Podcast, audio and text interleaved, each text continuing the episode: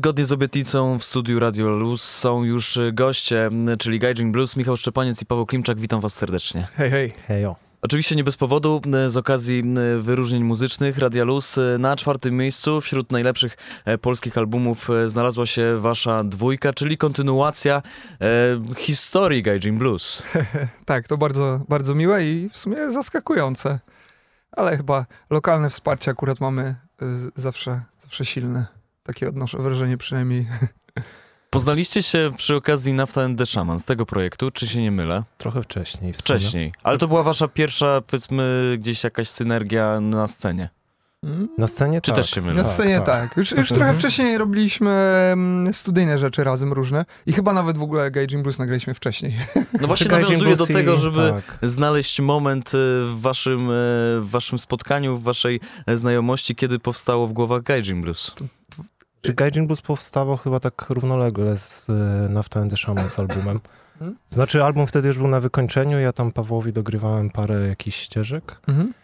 E, I pracowaliśmy nad Gaijinem mhm. jednocześnie, czyli to, to był jakiś... 2016-17. 17. E, 17, tak. 17. 17, jakiś marzec, temu, marzec, no. kwiecień. Tak, no. trochę czasu. Zresztą tak. e, droga do wydania epki była trochę długa, a w zeszłym roku, jak nie było nic, tak nagle dwa wydawnictwa były i, i zresztą album hmm. też mm, bardzo nam zależało na tym, żeby go nagrać od razu po epce i w miarę możliwości, w miarę szybko go wydać. Mm, no i się ukazał w listopadzie, a epka w lutym i tak e, mieliśmy taki dosyć, e, w sumie dosyć zajęty rok. Tak a zdradźcie w takim razie trochę historii. Czy to było tak, że e, ta fascynacja kulturą japońską, którą da się usłyszeć powiedzmy w waszej muzyce, wypłynęła z rozmowy pomiędzy wami, czy po prostu zaczęliście grać i to się stało?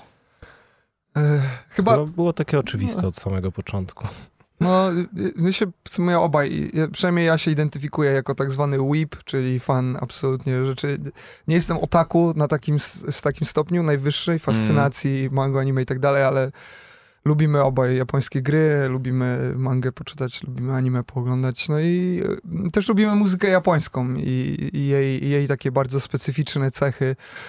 E, które wpływają na, na to, jak myślimy o muzyce. My na przykład nie do końca chyba wyznajemy zasadę, że mniej to więcej, raczej u nas jest więcej, jest więcej. Mm, to jest dosyć dzieje. zgodne, zgodne z, z, z, jakimiś takimi wyznacznikami dużej części muzyki japońskiej, więc... Ale łączycie to też e, ze wszystkimi różnymi nowoczesnymi wpływami, tak jak e, da się to usłyszeć również z muzyką zachodnią, mm. więc e, to jest myślę fajna wypadkowa tego, że można połączyć właśnie, tak jak mówisz, zajawkę, hobby, e, razem z tym wszystkim, co interesuje was y, w brzmieniu.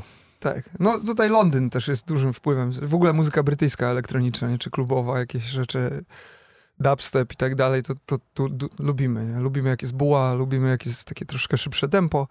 No ale gdzieś zaczynaliśmy w sumie przy epce inspirowały nas trochę łagodniejsze rzeczy, nie? Mm. Jakiś house, jakieś e, takie mm, down tempo nawet miejscami. Natomiast e, czym bardziej też ewoluował nasz live, to wydaje mi się, że trochę bardziej i mocniej się zaczęliśmy otwierać na takie jakby dużo mocniejsze na inkorporowanie mocniejszych klubowych brzmień, łącznie z tym, że nawet, nie wiem, footwork, tak, też, też jakby mocno na nas wpływa i, i też mamy taki numer. No i w Londynie też was miło przyjęli.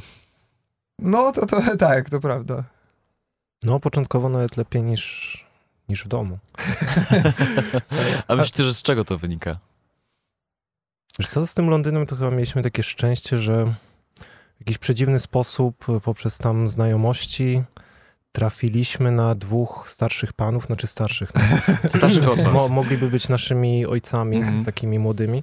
E, I pomimo, że oni Japonią raczej, no raczej się nie, nie fascynują w takim stopniu jak my, mm gier wideo w ogóle nie kumają, ale gust muzyczny mają bardzo do nas podobny. Bo jak mm pierwszy raz byliśmy w Londynie i słyszałem, jak E, właśnie Mark, czyli jeden z e, założycieli Shapes of Rhythm, czyli naszego labelu, jak grał DJ Seta, no to stwierdziłem, kurczę, to są... Tak, nasi ludzie. Wszy, wszystkie te utwory. Równie dobrze mogliby być tak, w zespole Gaijin tak. Blues. No nie, bo nie grałem w gry, to wiesz, zamknięte To ich dyskwalifikuje. Ale, ale to prawda. No plus też oczywiście przez to, że trafiliśmy do londyńskiej wytwórni, to ta wytwórnia zadbała o to, żeby ta muzyka e, trafiła do obiegu londyńskiego. E, dosyć szybko też zaczęliśmy grać tam koncerty i jakby trochę, trochę gdzieś tam się odcisnęliśmy w, na tym bardzo, bardzo konkurencyjnym rynku, jakim jest No rynek właśnie, jest londyński. jeszcze większy, więc wydawałoby się, że jest jeszcze trudniej, a jednak y, to, to tam zażarło no i super. No, no też, się- też się cieszymy. No mamy też szczęście, niedawno wyliczaliśmy, że tak w zasadzie co kwartał gramy w Londynie i w sumie w maju też wracamy do Londynu zagrać z Amonem Tobinem i Aktresem. Także Do tej koncertowej e, w takim razie części twórczości Gaijin Blues e, wrócimy, a i posłuchajmy chyba mojego ulubionego numeru, Puff Puff.